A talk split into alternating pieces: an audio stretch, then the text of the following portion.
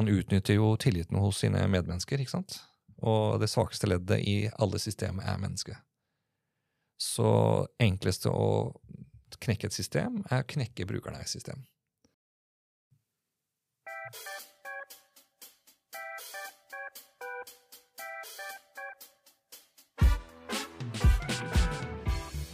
Du lytter til Ato Innsikt, en podkast av Ato Norge.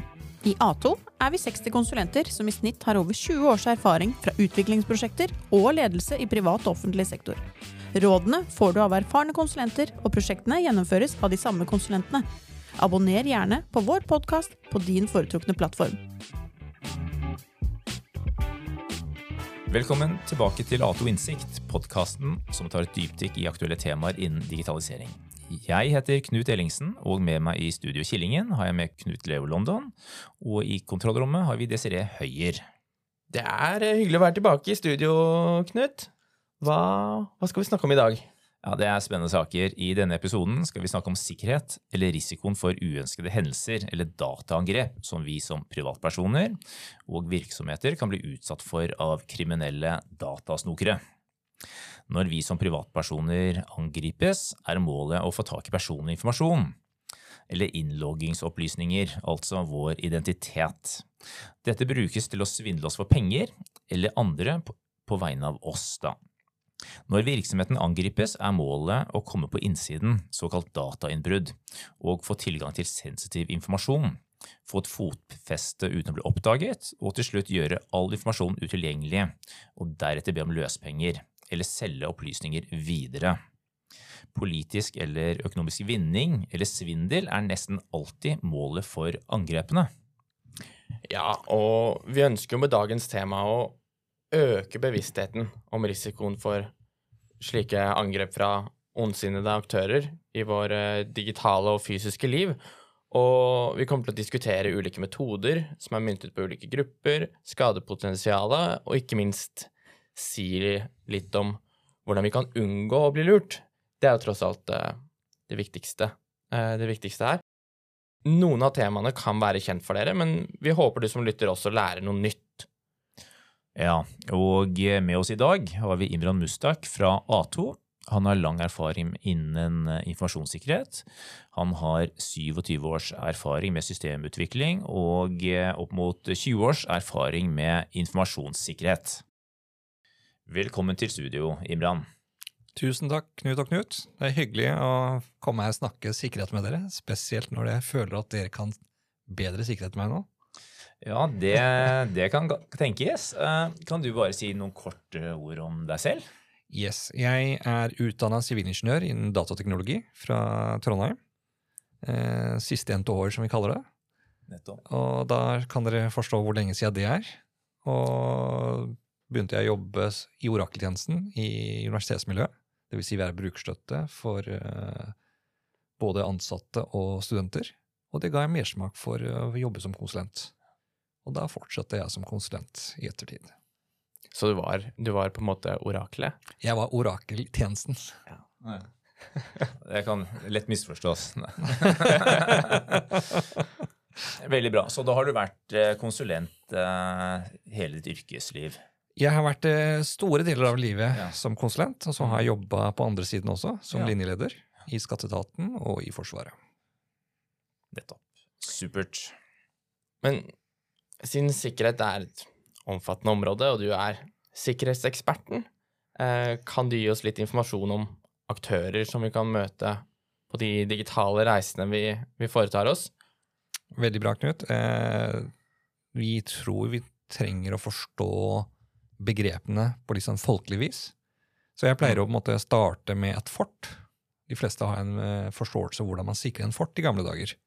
Da hadde man en port, og så slapp man folk inn og ut av porten, og de fikk lov å vandre rundt, og så sto det soldater rundt omkring.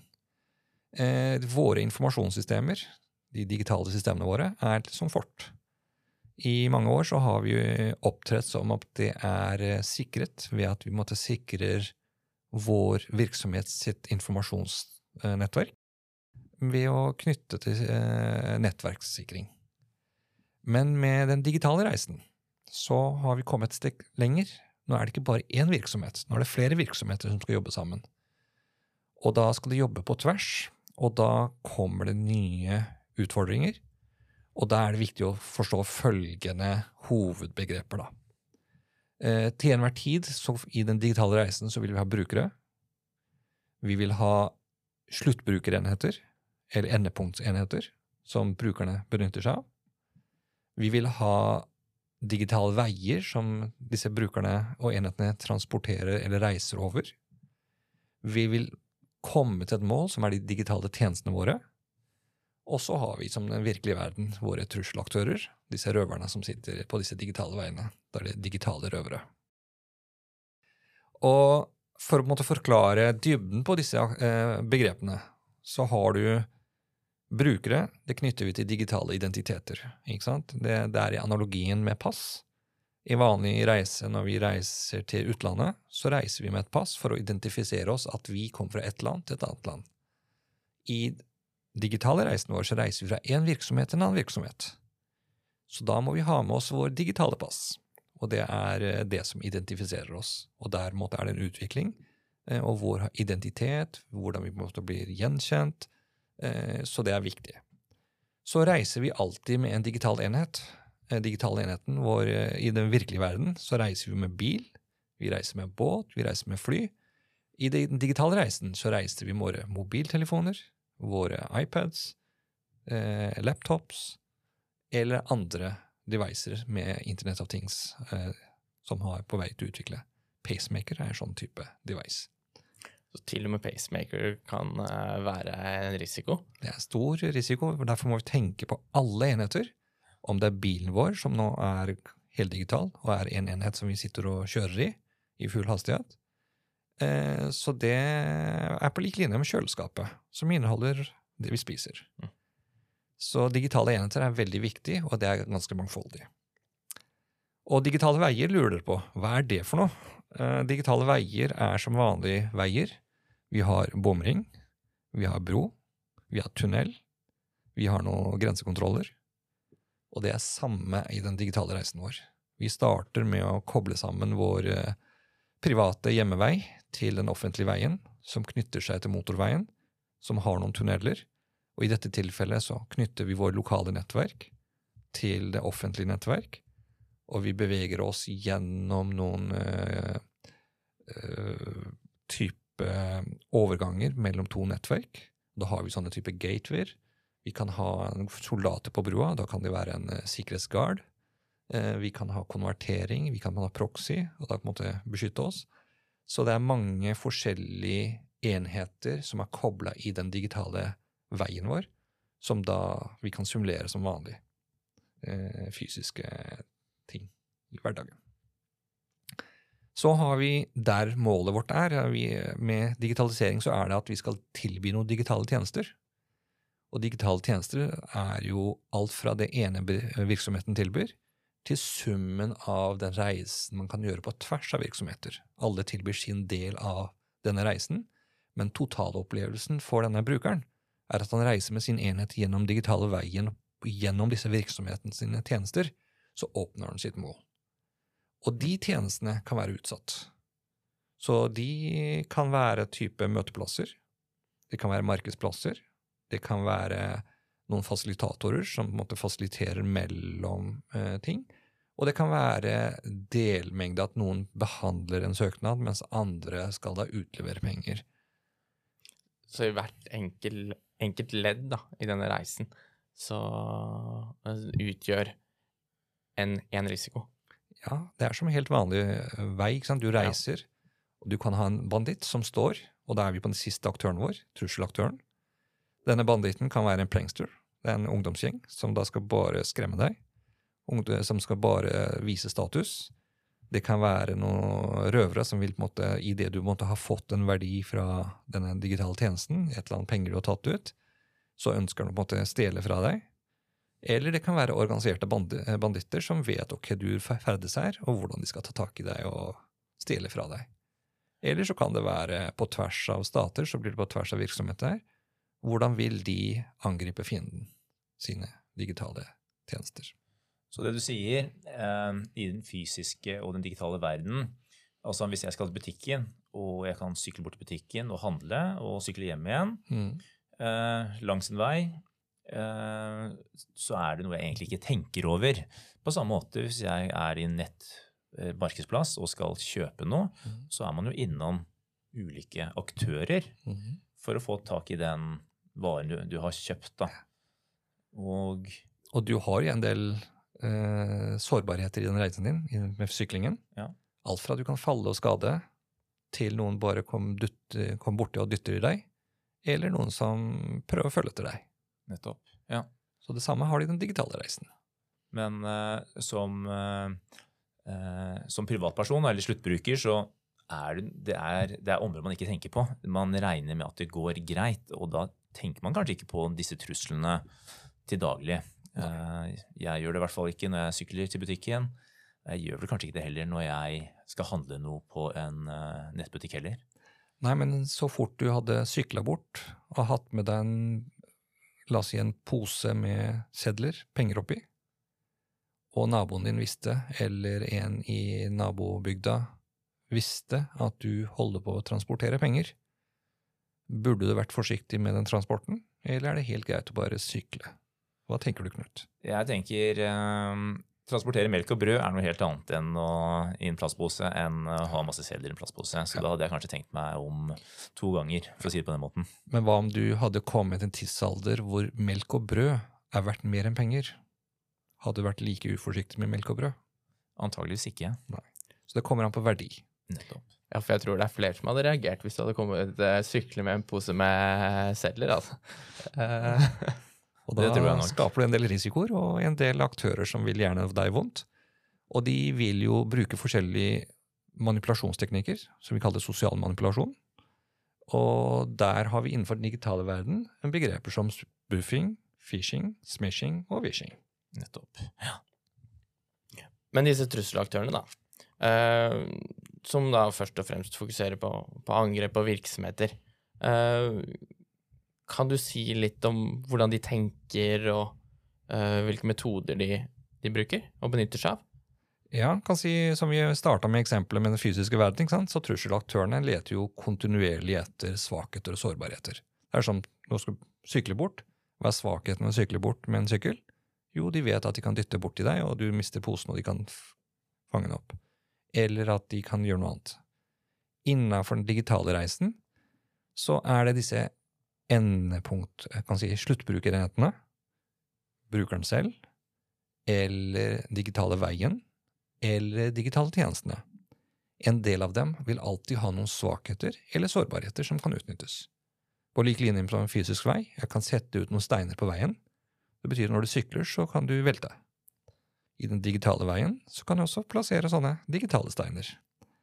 Og det gjør jo at eh, svakhetene for at jeg kan plassere noe uh, Utnytte de svakhetene i infrastrukturen, da, digitale infrastrukturen, uh, gjør at jeg kan da jobbe målrettet for å nå mine kan si, mål da, som en trusselaktør. Mm. Fordi en trusselaktør vil alltid sette noen mål. Alt fra at han vil skape en status, til vedkommende vil skaffe noen verdier og stjele dem. Så det klarer han å gjøre ved å se at målet ikke har nødvendige sikringstiltak på plass. At uh, i den digitale verden så at man har utdatert programvare som gjør at sårbarhetene er eh, ganske store og velkjente. Det kan være en svak sikkerhetskultur hos digitale tjenesteleverandøren, slik at de har en del eh, som jobber der, som lar sin PC eksempel stå helt uten eh, skjermlås. Eh, Det kan være at eh, de slipper hvem som helst inn i lokalet. De passer ikke Mm. på hvem som kommer inn i lokalet deres. Det kan være andre type, så enkelt som pålogging og ikke ha tofaktorautentisering. Ja, og litt svake passord og sånn er vel en klassiker. Det er den mest klassiske, ikke sant? Ja. Jeg mente jeg så Det var vel eh, henvist her eh, i, i media for ikke så lenge siden at eh, det mest vanlige passordet er vel fortsatt 1, 2, 3, 4, 5, 6. Eller sommer, eller vinter, eller lignende. Så kontohacking, det er det vi er inne på nå, ikke sant? Mm. Eh, så metoden av metodene man bruker, som disse trusselaktørene eh, bruker, så er kontohacking det er det mest vanligste for å skaffe seg identitet. Så man får tak i passord ved enten at disse nettstedene, disse digitale tjenesteleverandørene, har, noen av dem er såpass dårlig tilstelt at deres database lekker. Noen har fått tak i dem. Slik at hvis du har oppretta passord, og den har kommet ut, så vil denne aktøren gå og lete etter disse passordene og bruke det og se om du fortsatt bruker samme passordet. Så trikset er å bytte passord ofte.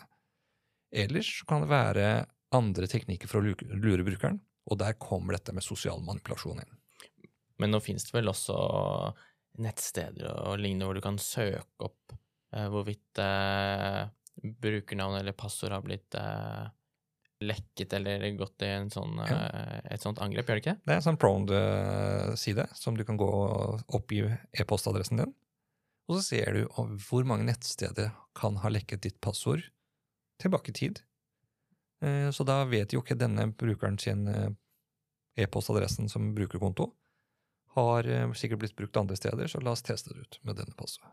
Ja, for de er holdt på å si, de er tilgjengelige for, for de, disse røverne, men, og tilgjengelige for oss for så vidt. Ja, for vi Eh. bygger opp en store databaser, eller som vi kaller dictionaries. ikke sant? Og da bruker de disse passordene for å teste ut ok, dette er alle kombinasjoner folk har brukt over tid, eller alle ting folk kan komme på. La oss gjøre en hack, eh, passordhacking. Vi på en måte gå gjennom en katalog med alle begreper, så kanskje jeg får treff. Så det å bare legge ut din brukerident, det du skal logge på med, kan være en fare. For da neste steg er jo for en eh, hacker å få tak i eh, passordet ditt ved å på en måte gjøre en eh, angrep. Ja, så det er vel det typisk der at eh, e-postadresse brukes jo ofte til innlogging eh, Ja.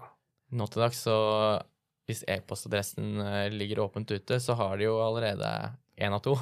Ja, og det er det om å gjøre om å ikke legge ut din e-postadresse som brukes til pålogging, og skille mellom de, skape en gjerne alias på at du har en e-postadresse alias som er for kommunikasjon, mens eh, den grunnleggende e-postadressen din er for pålogging. Og skille mellom Mm. de to. Mm. Så det er innafor dette med sosial manipulasjon, og da er det jo Man utnytter jo tilliten hos sine medmennesker, ikke sant? Og det svakeste leddet i alle systemer er mennesket.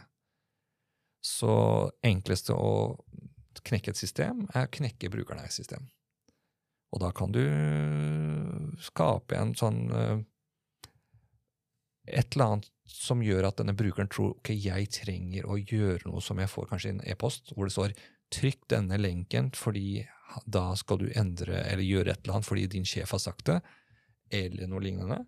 Så det er den manipulasjonen man bruker for å skape en trang til å gjøre noe hurtig. Det er hastverk. Og dette må gjøres. Hvis du ikke gjør det, så mister du noe. Og det er det vi kaller da phishing-angrep. Du får en e-post med noe innhold, og du tenker ikke så fort over dette. Det, ligner jo på en vanlig e-post jeg får, tenker du. Du sjekker ikke hvem som er avsender. En annen måte å gjøre det på er jo gjennom SMS, som er blitt vanlig.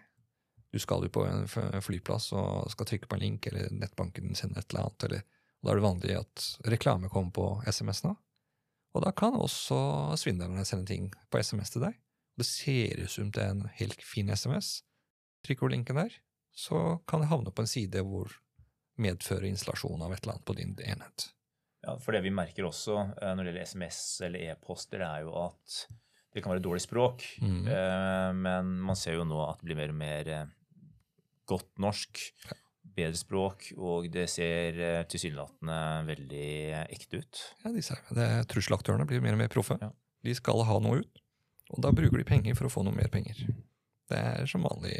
Ja, for SMS og e-post er jo egentlig sånn klassisk, eh, Mm. klassisk metode. Men eh, det blir jo vanskeligere og vanskeligere når de blir, eh, blir bedre og bedre, da. Eh, og det er som du sier, de, de uh, gambler jo litt på at en har dårlig tid, eller ikke, tenk, ikke tenker seg om, eller fordi sånn på, med det blotte øyet så ser det helt uh, reelt og, og Ja. ekte ut. Og så ikke bare det. Eh, disse trusselaktørene har jo nå kommet så at de kan ringe deg. Wishing. Mm. Det er på en måte, Da bruker lyd. Da skaper de en samtale. De skaper at de er noe fra et eller annet brukerstøtte, de er fra et eller annet viktig aktør. Da har de funnet ut at du er i kontakt med den aktøren. Så oppgir seg å være den aktøren, og så vil de gjerne at du skal gjøre noe som gir dem tilgang. Ja, Vi har jo hørt eksempler i media. Det kan være de utgir seg som politi, eller de utgir seg som din bankforbindelse. Og da eh, høres det troverdig ut, så er det lett å gå på limpinnen. Det er troverdigheten vi mennesker går på. ikke sant? Det er tillit. Vi er tillitsbaserte, og så, så fort vi klarer å skape tillit, så klarer vi å gi fra oss informasjon som vi ikke skulle gjøre. Så det er en kultur, sikkerhetskultur. Så vi skal være veldig forsiktige i den digitale reisen vår med å klikke på lenker eller gi fra oss informasjon som vi vet er sensitiv, som noen kan misbruke, og ikke være naive. Så disse trusselaktørene, da, eh, for å måtte knytte til det, er jo de har god tid på seg. Det er ikke noen sånne prankstere som bare står der og skal pranke på det nå der og da. De bruker god tid på å planlegge. Så tiden de bruker på å skape et oversikt over dine rutiner, dine svakheter, er med på at de kan på en måte begynne å skanne deg i nærmiljøet. Og komme i nærkontakt med deg, skaffe enda mer informasjon, gjøre noen enkle spørringer med deg i en samtale i butikken, en samtale et eller annet sted. Og så vil de sammenstille informasjon og gjøre en sårbarhetsanalyse. Ok, denne personen, dette systemet, disse rutinene, la oss sette det sammen. Ok, hva kan du gjøre, hva slags angrep kan du lage? Hvordan skal jeg gjøre innbruddet? Så da planlegger de innbruddet, og deretter går de i gang med å gjennomføre.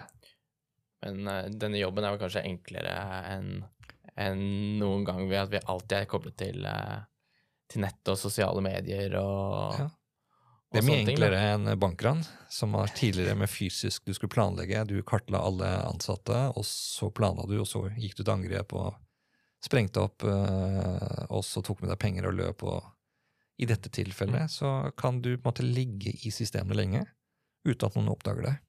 Så det er veldig enkelt, fordi alt er koblet sammen. Og det, det du sier om å samle informasjon, det er jo informasjon som tilsynelatende kan være veldig uskyldig, men setter man det sammen, så kan man få et ganske godt bilde av en persons liv, bevegelser og interesser, for den saks skyld. Og det, vi gir jo fra oss ganske mye informasjon på sosiale medier. Gjør det. Og den totaliteten av informasjonen vi gir fra oss, kan gi angriperne ganske god oversikt til at de kan iscenesette noe så uskyldig som du tror er helt reelt. Som du tror ikke trenger noe erfare. Normalt andre mennesker du omgås. Du snakker om sosiale medier her, da aksepterer vi jo egentlig det, eh, vilkårene eh, som er for å være på denne på dette mediet, om det er Instagram eller Facebook eller Twitter Mm. eller hva det skulle være. Har vi likevel egentlig noen måte å eh, å si, beskytte oss mot å, å, å gi fra oss for mye data, eller er det noe vi må akseptere når vi velger å være på plattformen? Det er som la oss si, i gamle dager i, eh, vi lekte i skogen. Hvis vi lagde papirfly med informasjon på, og bare bilder av oss, og lagde papirfly av det, og bare skjøt det ut, så var det kanskje enkelt å gå bort og plukke de papirene hvis ingen tok dem. Men derimot, hvis du roper i skogen og det blir ekko i fjellene, du kan ikke si at nå skal jeg ta tilbake ekkoen og den dør ut. Men i den digitale verden, derimot, dør ingenting ut.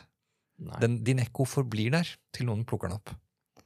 Så det at du legger fra deg informasjon på sosiale medier, er den ekkoen du har skapt i den digitale verden, i cyberverden, og andre har mulighet til å bare plukke det opp. Så selv om man ønsker gjerne at ingen andre skal se det jeg legger ut offentlig, det er kun de jeg gir tillatelse som skal se det, men jeg styrer det ikke, jeg bare vil at folk skal ha folkeskikk, så vil ikke svindlerne ha det folkeskikket. Nei. Så bare for å ta den siste delen, da. Når angriperen, trusselaktøren, da, har nå på en måte kartlagt og gått i angrep, så har du denne metoder nå for å krekke passord. ikke sant? Den har på en måte fått tak i grunnleggende informasjon, den vil på en måte utnytte såre, sårbarhetene, og da får den jo tilgang til et gitt system en påloggingskonto. Og når den er inne der, så vil den jobbe videre med å øke sine rettigheter. Fordi når den får økt rettigheter, så kan den begynne å installere ting som gjør f.eks. keyloggers. Han kan sitte og lytte på tastaturet. Eh, Vedkommende kan installere andre ting som kan skape at han får tilgang til din kollega sin som har noen bedre rettigheter. Og deretter komme inn og inn, trenge seg inn i systemene etter hvert. Og eksekvere applikasjoner som kan gjøre at han kan få tak i den informasjonen som han har satt seg mål å hente ut. Og hvis vedkommende er ennå ekspert, så vil jo han slette spor etter seg. Han vil gjøre seg stelt mod, han vil ikke at andre skal oppdage han, og ønsker å være der over lang tid. Eh, så kan det være noen som er litt eh, De vil raske penger, og de vil bare si ok, nei, la oss låse ned alt dette, her, kryptere alt dette her, og kreve penger av det. Så du har forskjellige typer aktører, da. Ja, for der er det noen som kan egentlig operere der i lang, lang tid. Ja. Når de da er gode til å slette sporene sine. De sletter sporene sine og skaper bakdører, slik at de kommer inn og ut når de vil. Ja, fordi da jeg forberedte meg, eh, forberedt meg litt til, til dette vi skulle snakke om, Mm. så dukket opp en sak eh, der i Canada med forbindelse om de skulle la Huawei eh, operere på tele, telenettet sitt, eller bygge, Mm. bygge det, da. Eh, fra, og en sak, egentlig, eh, noen år tilbake, var eh, et kanadisk eh, firma som heter Nortel. Det er også en telekommunikasjonsfirma.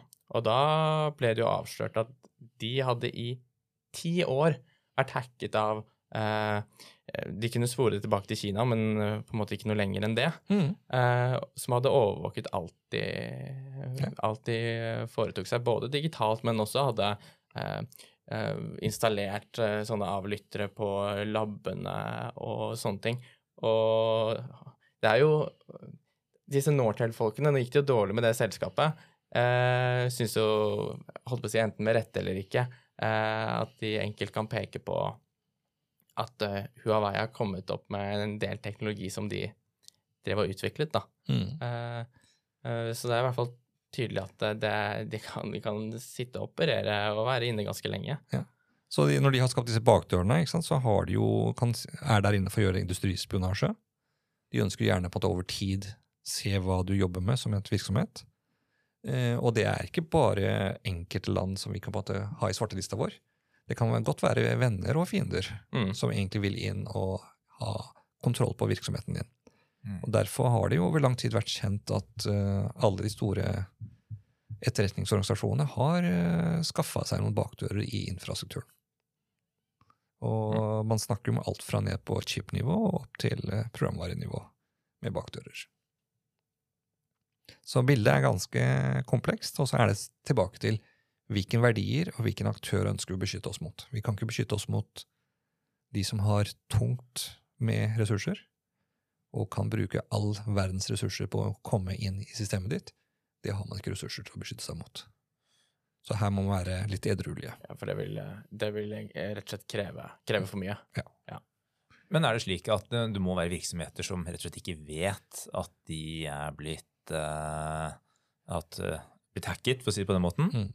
Si Heldigvis i Norge så har de fleste virksomhetene ganske god styring. De har gode sikkerhetstiltak på plass. Eh, og det gjør jo at jobben for disse aktørene er vanskeligere. Men så vil det alltid være noen virksomheter som tenker eh, vi har ikke noe å skjule. Vi har ingenting som bare Men det de ikke forstår, er at de kan være bare en ledd i en verdikjedeangrep. Så man må tenke helhet her, da, og ikke tenke at på sitt eget at jeg har ingenting å skjule, så bare kom inn og hekk meg, og jeg trenger ikke å sikre meg. Men din enhet kan jo bli brukt til å hekke deg inn på et annet system, hos en annen virksomhet.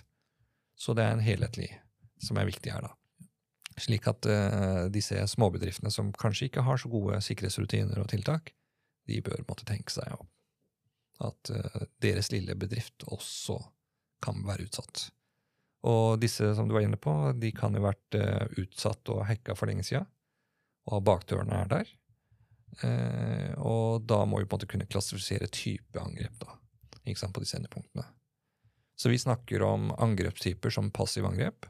Det er type hvor angriper ønsker kun tilgang til informasjon, ønsker ikke å endre noe. Fokuset er på å lytte. Så har vi aktiv angrep. Angriper ønsker å endre på data under transport eller forstyrre kommunikasjon som pågår, med hensikt å skape muligheter for dypere penetrering, dyp, komme seg dypere inn i indre systemer. Så her vil eh, angriperen forbigå sånne beskyttelsesmekanismer, eh, kanskje gjenbruke gyldige sesjoner som du har oppretta i nettleseren din, eh, hijacke dem, eller opptre som en mellommann. Eh, få deg til å tro at du går gjennom et system som er lovlig, men der sitter du og lytter, og så skaper de informasjon der videre for å ta opp informasjon fra deg. Men den virksomheten som blir da aktivt angrepet, Mm. eh, vil den vite at den er under angrep under Det- denne metoden Det her? kommer an på hvor Ja. flinke de er. Hvis vi har sånne virksomheter som er flinke, jeg logger alt. Men hva gjør du med loggene dine? Det er det som er viktigste punktet her. Har du systemer som varsler deg at nå er noe uvanlig på vei til å skje? Heldigvis i Norge så har vi jo noen felles nasjonale satsinger med NLSERT som overvåker de eksterne nettverkene våre. Men det er fortsatt innenfor virksomheten at de må være ha nok mekanismer til også å kunne si fra at her er det noe som er muffens på vei. Og det må du bruke tid på, da. Da ligger det noen regler eller noe sånt i disse systemene som fanger som opp mot loggene, eksempel, som fanger opp noe, eller? Ja, du må ha litt sånn eh, Med dagens teknologi med kunstig intelligens kan man jo måtte bruke nå mønstergjenkjenning. Slik at I normalt hverdag så er mønsteret vårt sånn, men nå ved et angrep så er mønsteret annerledes. Ok, her er det noe som skjer i loggene våre. Så vi må fange det opp og gjøre noen tiltak og begynne å analysere. Og ha Mm. mekanismer for å måtte styre unna. Så der finnes jo en del muligheter, da. Eh, Det kan være så mye som enkel at eh, nettbutikk med, som ikke gjør input-validering på feltene sine, som lar f.eks. SQL-angrep skje ved at du måtte skrive en SQL-setning i et input-felt hvor du skal oppgi hvilken vare du skal ha, eller antall varer du skal ha. Istedenfor å skrive et tall der, så skriver du en lang eh, setning som kan brukes og sendes ned i databasen, som gjør at de kan hente ut brukere til slutt, etter en del spørringer, eller slette databasen din. Og morsomme episoder rundt, rundt det er jo at uh, en del uh, folk har jo prøvd å se om disse kameraene som skanner bilskilt. Og da har de skrevet disse lange SQL-setningene på bilskiltene sine, eller foran, i håp om at de blir tatt bilde av, og dette hele strengen sendes inn, og de sletter de databasen deres. Oh, ja. Så folk er innovative. Yes. Det høres ut som litt sånn prankster-aktivitet, det. Nemlig. Ja. Så har vi jo aktiv, etter akt- aktive angrep, da, så har vi nærangrep. Det er når trusselaktør er på innsiden av nettverket og har tilgang til systemer. Og da bruker han jo mekanismer for å komme seg til målet sitt. ikke sant? Eh, og når han er på inside, eh, og da gjør han innsideangrep, og da er du jo klar til å skaffe deg de privilegerte tilgangene, og kan installere programvare og lytte på tastatur og kommunikasjon og skape bakdører og stjele data og være der og skape deg en hold. I vanlig fysisk, når vi angriper et sted, så ønsker vi å beholde stedet, at fienden ikke tar det tilbake igjen. Så prøver disse her aktørene også å skape det holdet. Skaper, skaper et fort på innsiden, på en måte. Skaper fort på innsida. Så har vi et annet eh, type angrep, og det er at når det ikke kommer deg på innsiden av et bedrift, så kan du jo skape mulighet til å komme inn før bedriften har installert programvare eller maskinvare. Da kaller vi dette et distribusjonsangrep. Vil si allerede når din distributør av en maskinvare eller programvare i sin utvikling, la oss si SolarWinds-eksempelet, så kan du allerede når de sitter og utvikler, skape en bakdør, slik at når det kommer seinere inn i virksomheten på en lovlig vis, så er bakdøra dør for at trusselaktøren kan komme inn. Kan du si litt mer om det Det, det kommer til å ta litt lang tid, men det SolarWinds-eksempelet handlet jo om at uh, dette ble brukt for overvåking av systemer av veldig mange driftsleverandører. Og det ble utnytta ved at de gikk inn i deres kode og skapte sine muligheter, slik at de kan gå inn og lytte og være en lyttende og fange opp informasjon. Da. Så det Mm. tok jo en eh, veltrent uh, uh, operatør, da, som skulle, hadde fått sikkerhetskulturen under, eh, i, Under huden, under, under huden, Ja. at han oppdaga oi, her var det en mobiltelefon som ikke, prøvde å komme seg på som ikke skulle være der. Han står ikke i våre eh, lister. Og så begynte han å spore opp dette her, og da hadde jo disse vært i systemene i ganske mange måneder. Så det var helt Mm. tilfeldig at man fant ut av det. Ja, ja, nesten tilfeldig. Det var jo kompetente Kompetente ressurser til slutt som Ja. løste det. Nettopp. Men de ble ikke oppdaga med en gang. Så Ja. det er jo det som var spørsmålet her. eh, Hvor fort kan man oppdage det? Det er jo igjen tilbake hvilken tiltak og kultur man bygger rundt. Så den digitale infrastrukturen, da, eh, som er da som Med disse digitale veiene, eh, og det som er nå er overalt, inkludert våre hjem, så har vi jo begynt å ta i bruk disse kjøleskapene våre, disse digitale maskinene, TV-ene. Så har jo hvert enkel enhet fått sine egne adresser. Så det betyr at hver enkelt av disse enhetene er laget av noen alt fra billige leverandører til dyre leverandører. Og det er ikke sikkert de har tenkt sikkerhet. Men disse enhetene kan fortsatt brukes som en øh, verktøy for å angripe andre enheter. Men hva, hva er det vi kan gjøre? Vi er vel litt prisgitt leverandørene, er vi ikke det? Eller? Jo, men da må vi skape noen andre mekanismer rundt det. For eksempel, det er ikke anbefalt å koble alle disse enhetene direkte på de hjemmenettverk som du bruker for å komme litt på virksomheten din. Du bør kanskje skille mellom de to nettverkene. Skape Ah. to ad, litt atskilte nett hjemme. Slik at de enhetene ikke kan brukes for å angripe virksomheten din. Nettopp. Mm. Det var en god idé. Mm. men um, nå har vi snakket mye om teknologi, men så innledet du med at eh, det er jo den eh, det er jo mennesket som er det, det svake leddet veldig ofte. Mm. Og det er der man uh, søker å påvirke. Mm. Kan du si noe om uh, da, personlig eller menneskelig påvirkning i denne sammenhengen her? Ja, den menneskelige påvirkning er jo det første kontaktet for å skape mer informasjon.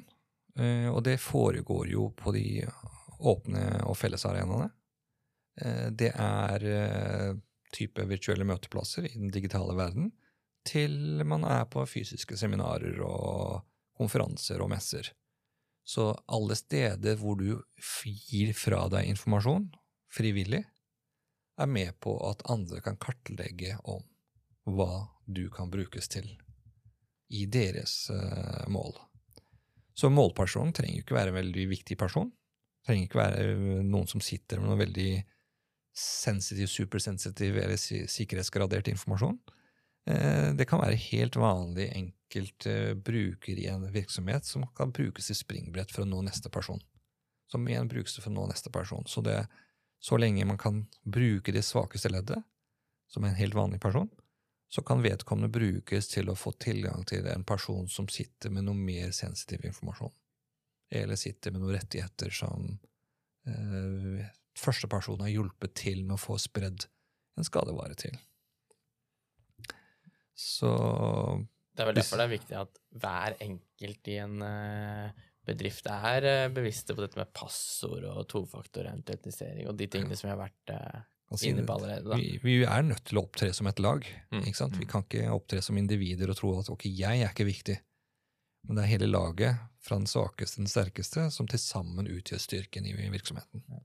Og det, du var litt innom dette med sikkerhetskultur, Mm. og eh, det er jo ekstremt viktig at den, ja. at alle er veldig bevisst den, da. Ja. Og kultur tar tid å bygge, og krever en kontinuerlig eh, kontinuerlig effort. At man måtte fortsetter å strebe etter en eh, høyere kultur rundt. Så enkelt som å låse skjermene sine når man drar til lunsj eller er ute på en ærend. Jeg skal jo bare bort og snakke med en person. Jeg skulle bare på toalettet. Og da, den lille tida der er nok til at noen kan gjøre noe fra din enhet. Eller eh, du går ut, og så lar du hvem som helst slippe inn døra. Eller brannalarmen går, og så har du tailgating som en eh, faktor. Mm. Hvem sjekker hvem kom inn i lokalene når alle strømmet inn samtidig? Mm. Ja, jeg, jeg, jeg tror det også handler litt om eh, bevisstgjøring av hvor enkelt eh, det egentlig er Mm. når en lar disse mulighetene være, eh, være åpne, da. Når en Ja. har svakt passord, eller når en eh, lar skjermen sin stå ulåst, eller eh, lignende. Da er, det, da er det ikke vanskelig for de som, de som kan det, å utnytte, å utnytte det heller. Tenk at jeg kommer inn i lokalet, bytter ut eh, musa di, jeg har på en måte kartlagt over tid, du har satt bilde av hvilken mus du bruker på PC-en din på jobben. Jeg klarer å få noen, sendt noen til å bytte ut musen, som da kommuniserer med PC-en din. Eh, Og den sitter og lytter på tastaturet ditt. Du har da tilgang til å logge deg privilegert inn på en sånn høyere konto. Du taster inn passordet, jeg leser av med min eh, lytter på denne lille musa som jeg har nå installert som ligner på din, og egentlig har fått tilgang til å komme inn i systemer med høyere tilganger. Så det krevde bare at jeg fulgte noen inn i lokalet, fikk plassert noe, og satt ute og jobba. Ja, det, er, det er jo så enkelt. Det er så enkelt. Eh, Du har jo tidligere sagt at eh, en trusselaktør de har gjerne mye ressurser, de er tålmodige. Og eh, når jeg tenker på ressurser, da tenker jeg også penger. Mm. Um, hvilke andre virkemidler er det de har hvis de skal kunne, hva skal vi si, overta eller eh, komme tett på en virksomhet, da? Altså, når eh, vi snakker om disse trusselaktørene som vil inn og skaffe noen virkelig gode mål, så er det jo ingen grenser. ikke sant? Du har jo alt fra, som vi var inne på, ikke sant? at du kan ha leverandørkjeder. ikke sant? Du har en verdikjede med de som leverer noe utstyr som skal videre. Hvis man gjør en oppkjøp av en sånn verdikjede Mm. som leverer videre, så har du plutselig tilgang til å gjøre hva du vil for å nå neste mål. Så du kjøper opp småbrikker i dette her. Så oppkjøp av og investering i selskaper er med på å gi deg både innsikt i eh, patenter. Du kan på en måte bruke det igjen til å få tilgang til virksomheter som kanskje bruker noen komponenter. I en virksomhet som da selger noen komponenter i en større selskap. Og da klarer du på en måte å installere dine komponenter som er da påvirka, til det kan være eh, regelverkomgåelser. Ikke sant? Du har eh, masse sånne statlige aktører som benytter seg av en del ting som vi vanlige dødelige ikke kjenner til. Mm, nettopp. Ja, nå, nå har vi jo fått en viss oversikt da, av hvordan disse trusselaktørene opererer. Og jeg syns i hvert fall det er ganske mye å, det er ganske mye å ta inn over seg. Eh, og man bør jo ha et bevisst forhold til, eh, til sikkerhet i en, i en travel hverdag. Det, det er det vel egentlig liten, liten tvil om.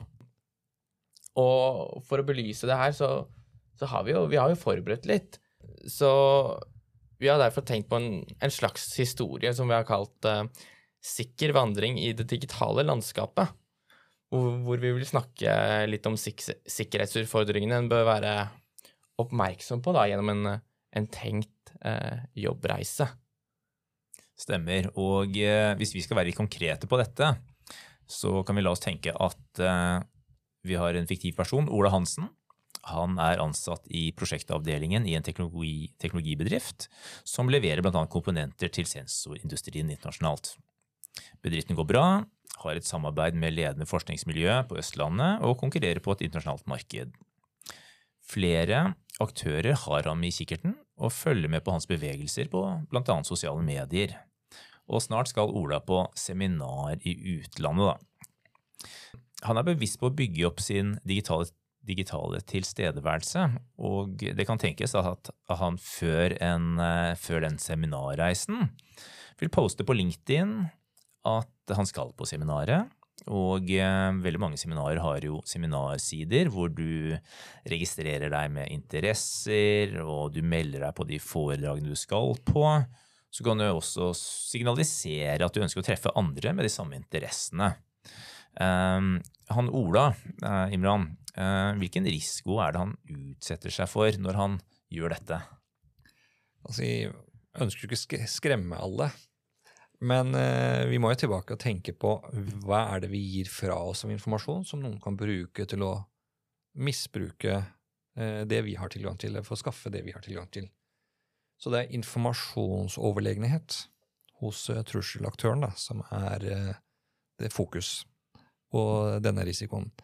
Så det den cyberkriminelle miljøet da, de vil jo alltid være interessert i å kartlegge mest mulig om denne Ola, fordi Ola er jo interessant i denne settingen. Han er i en verdikjede med at han leverer noen komponenter. Eh, han er med i noen forskningsmiljøer. Så de vil jo kartlegge hans rutiner. Eh, når han da gjennom sosiale medier gir sin reiserute og gir eh, når han har tenkt å reise, og hvor han har tenkt å reise, og hvilken eh, konferanse eller hvilken foredrag han vil høre på, så sier det jo noe om hvilken tema han er interessert i, hvilke personer som er i hans nettverk. Så alt dette vil jo de bruke til å bygge opp et angrepskjede, da. Fra å skaffe informasjon til å få noe installert, gjerne kanskje på hans mobil eller PC under denne reisen, til å eh, få noe mer ut av han gjennom samtaler. Så i dette tilfellet Ola har da ved å fortelle om sin interesse, gitt fra seg da litt informasjon som gjør at eh, han kan jo kanskje møte på noen medreisende som han ikke tror er noe farlig. Men han vet jo ikke. Nettopp. Men utgjør det en ekstra risiko med f.eks.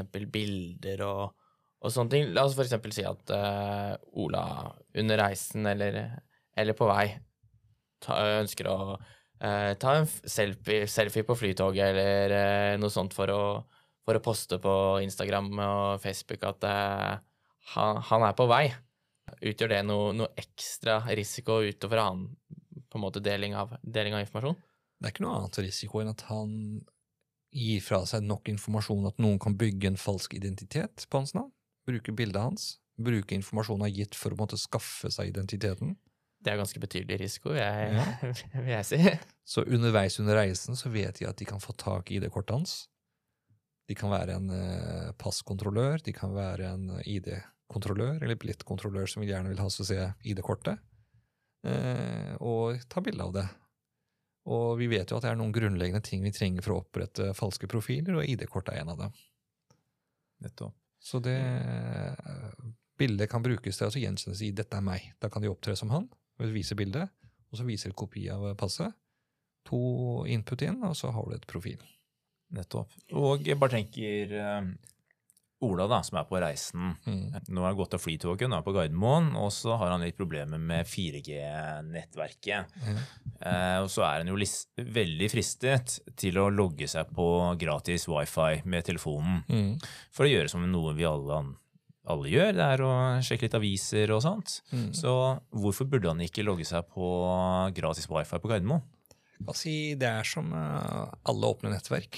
Eh, det er som en folkemengde. Hvis vi snakker en folkemengde og gir fra oss sendesinformasjon og roper til hverandre, så vil alle i denne hallen kunne fange opp denne informasjonen.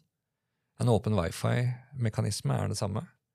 Du logger deg på, og så vet du at det er både snille og slemme aktører som er på samme nettverket.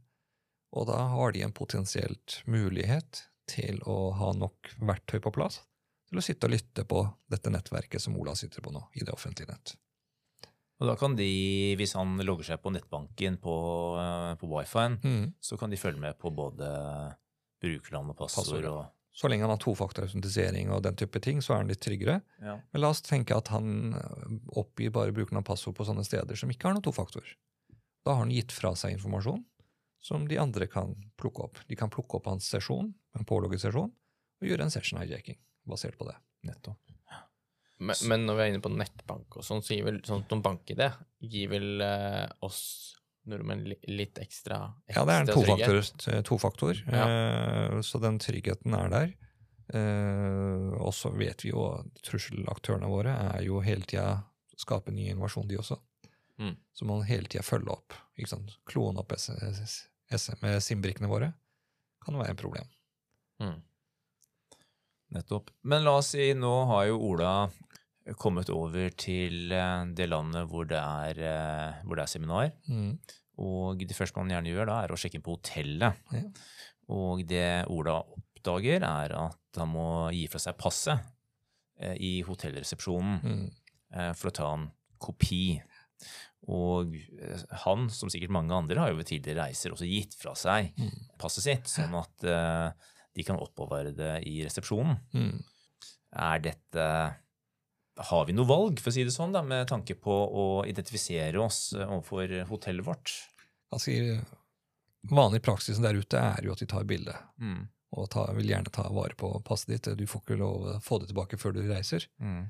Men risikoen vi utsetter oss for, er jo at eh, det er så på like linje med kredittkortet vårt, som gir oss når de skal måtte ta betalt, at de tar det med seg bort, registrerer, kommer tilbake og får signatur, eh, er at de egentlig tar opp all informasjonen som de kan bruke i etterkant. Så det er viktig å vite hvilken type hotell eh, vi er, og hva slags type eh, risiko vi utsetter hvis vi går på noe sånn muffens eller snedige hoteller, da. Men, men at vi ikke gir fra oss passet der, slik at de kan skape et uh, kopi av det og lage en falsk identitet. Og hvis noen aktører er ute etter identitetskortet vårt, så er det et pass, uh, på et sant hotell er enkelt å få tak i. Men da holder det vel med én, én person som jobber på det hotellet, som eh, har uh, onde hensikter til å, til å få til det. Som har tilgang til la oss, De har en safe, da. Hvis hotellet har gode rutiner, så har de kanskje bedre til å beskytte deg enn at hotell som bare slenger det inn i kontoret sitt, og så kan hvem som helst på hotellet få tak i det. Men resepsjonisten, for eksempel, Ja. som tar imot eh, er, eh, så lenge du har fortalt at du kom på det hotellet, og noen sier at han ble syk, og jeg sender min person inn, så har du aktøren som står der og tar det imot. Ja, og, men jeg tviler jo Jeg kan ikke så mye om ansettelsesrutinene på disse hotellene, men eh, de må jo da gjøre en viss form for sikkerhetssjekk på disse menneskene, egentlig, da. Ja, og der er du inne på dette her med, også for norske bedrifter, eh, dette med klarering av ressurser, ikke sant? At man eh, ut, finner ut hvem er det jeg ansetter, hvem er det jeg tar inn i bedriften, gjør en bakgrunnssjekk. Det kan være veldig viktig. Eh, For det er jo med på å skape identiteten til den du ansetter, og få en tillit til hva vedkommende jobber med. Mm. Så i disse dager hvor eh, utenlandske agenter kan komme og få tilgang til informasjon, og man er redd i en sånn krigssituasjon, så er det viktig med ekstra nøye å verifisere hvem man ansetter.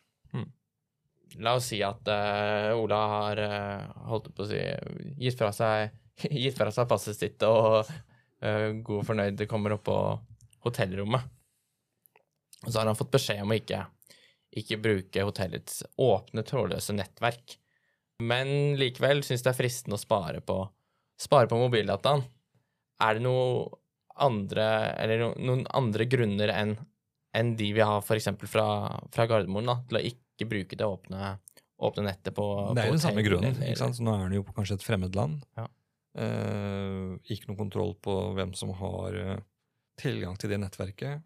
Sitter de med et sånn mellomproxy gjennom det nettverket på hotellet og sitter og lytter eh, på alt? Så det må han ta i betraktning av hva han tenkte å gjøre. Har han tenkt å bare surfe enkelt, så er det ikke noe problem. Og har han med seg en device som ikke han bruker til virksomheten, så er det greit. ikke sant? Da er det bare den det går ut på. Men så fort han har noe viktig å gjøre, så bør han tenke seg om. Ja, og siden han er på jobbreise, så er det vel fort gjort at han benytter muligheten til å, til å svare på noe mail eller eh, få gjort noe jobb, og det, det bør han da helst ikke. Kan si igjen tilbake type hotell og tillit Ja. til den infrastrukturen. Så alt går jo på tillit, da, hvor Mm. du kobler det på. Så har man jo løsninger på bedrift-PC-ene som er sikre. At de har VPN-løsning og lokale brannmurer. Slik at eh, den trafikken som går og wifi, går jo da over en tunnel, VPN-tunnel. Eh, Hvis man jobber da mot virksomheten. Men hvis han jobber mot internett, så har han ikke den beskyttelsen. Mm. Um, og vi har jo sagt at uh, Ola han eh, skal på seminar, Uh, og selvfølgelig for å lære, mm -hmm. uh, men også å nettverke og, og, og bli kjent med, med folk. Og da er det jo naturlig å snakke med, med mange om både fag og, og kanskje etter hvert andre ting. Kan en bare kose seg og senke skuldrene, eller, eh, eller bør, eh, bør han være litt eh, på vakt? Og er det spesifikke ting eh, og tegn han bør, bør se Nå er etter? vi utafor informasjonssikkerhet, vi er mer på den der vanlige sikkerhet av eh, personer og bruk av sunn fornuft med hvilken type informasjon man deler. Mm. Eh, og det er fort gjort hvis man er på et sted og man vil på en måte eh, skryte av litt seg selv, og dette jobber jeg med, og dette er type komponenter jeg selger til en annen bedrift, og så mange har jeg solgt, og den dagen jeg har tenkt å selge noen flere, og forsendelsen går den dagen, og så den type informasjon er jo med på å skade en helhetlig verdikjede, da. Så han bør nok bruke sunn fornuft med hensyn på hvilken informasjon han deler i en åpent fora hvor alle i en sånn sosial sammenheng. Da. Han kjenner ikke til personen som han snakker med. Kanskje han har blitt- venn med på konferansen, men vet ikke i bakgrunnen ennå. Eh, Kanskje han har stjålet profilen til en annen person som ikke rakk å komme på konferansen, som ble syk, og han tok plassen hans. det er mange sånne faktorer da spiller inn. Og sunn fornuft er det viktigste her. Men, men ofte så er det jo i hvert fall noen på slike konferanser nettopp fordi de skal møte potensielle kunder eller, eller andre, da. Og da går det jo litt på å nettopp fortelle litt av hva, hva er det du kan. Eh, sant? Så du blir jo satt i en litt sånn kinkig eh, posisjon. det er den vanskelige situasjonen, ikke sant? fordi du tenker Er det minst Jeg har ikke noe å skjule. Eller den jeg jobber sammen med, eller ikke sant? den komponenten min inngår i større ting som kan bli kompromittert, og informasjon kan komme på overveie. Så det er tilbake til den kulturen, da. Mm. Lærer de opp i den virksomheten om hva de kan snakke om og ikke snakke om? Har de tatt en policy rundt det? Eh, Hvilken type informasjon deler de, eh, og ikke deler? Med hvem som helst? Det er på en måte viktig. Mm. Nettopp. Men eh, la oss tenke at Ola nå reiser hjem, og eh, på hjemreisen gjør han de samme tingene som ved avreise. Og så reflekterer han over at dette har vært veldig vellykket. Han har fått faglig påfyll og utvidet nettverk. Og eh, burde han kanskje ha reflektert over oppholdet fra et sikkerhetsperspektiv eh, på vei hjem, eller burde han kanskje ha gjort det litt, eh, tenkt på det før han dro? Altså, han burde jo ha tenkt alt gjennom før han dro, men eh, på vei hjem så bør han i hvert fall tenke på hvilken USB-enheter han tar med seg. Eh, hvis han plugger dem inn i PC-en, hva ville skje? Hvilken eh, applikasjon ble han oppfordra til å installere som da kanskje inneholdt noe et eller annet bakdør? Eh, hvilken type kontakter han skapt, og hvem ville han fortsette samtale med? Eh, alt det bør jo han reflektere, fordi dette var typisk konferansen. Det ville vært typisk et sted hvor denne kontakten starta, eller hvor den videre trusselaktørens reise kanskje starter, da, sammen med denne Ola. Ja, det kan jo begynne veldig uskyldig. Veldig det kan uskyldig. være innenfor fag, og det kan være andre ting Mm. man finner tonen, da. Ja. Ikke sant? Men for en vanlig person da, så er det veldig vanskelig å forholde seg til alt dette på flere nivåer her. Da. Så sikkerhet, som vi eh, innledningsvis har snakket om, det er ganske komplekst. Det er alt fra fysisk sikkerhet til objektsikkerhet til informasjonssikkerhet. Eh, og det er flere lag med sikkerhet. Du har på en måte snakka veldig mye på kultursiden. Vi må jo og rutiner. Vi må jo på en måte snakke om eh, hvordan de, virksomheten prioriterer det. Eh, og hvordan man gjør det i henhold til risikostyrt tilnærming på sikkerhet. Man må tenke gjennom risikoene. Ja, jeg tenker at eh, sikkerhetsansvarlige i de ulike selskapene i dag, eh, og offentlige og private virksomheter, de har eh, my mye mer å tenke på nå enn de kanskje noen gang har gjort før. Ja. Vi blir jo mer og mer sammenkoblet, og vi, våre risikoer nå henger sammen på tvers. Og det gjør jo at man må tenke den totale digitale eh, sammenslutningen da, av virksomheter. Du, Imran, tusen takk for gjennomgangen. Det har vært veldig interessant og veldig nyttig. Ja, hensikten med denne episoden har jo vært å øke bevisstheten rundt sikkerhet. Og det er tydelig at det ikke er kun IT-avdelingen som har ansvar for dette, men alle har et ansvar på dette området. For det er jo vi mennesker som er det svake, svakeste leddet. Vi håper at du som lytter også har lært noe nytt, og om ikke annet fått økt bevissthet på området. Jeg vet nå i hvert fall hva jeg bør og ikke bør gjøre når jeg er på reise neste gang. Takk til alle dere som har lyttet, og så høres vi om ikke lenge med et annet spennende tema. Vi høres.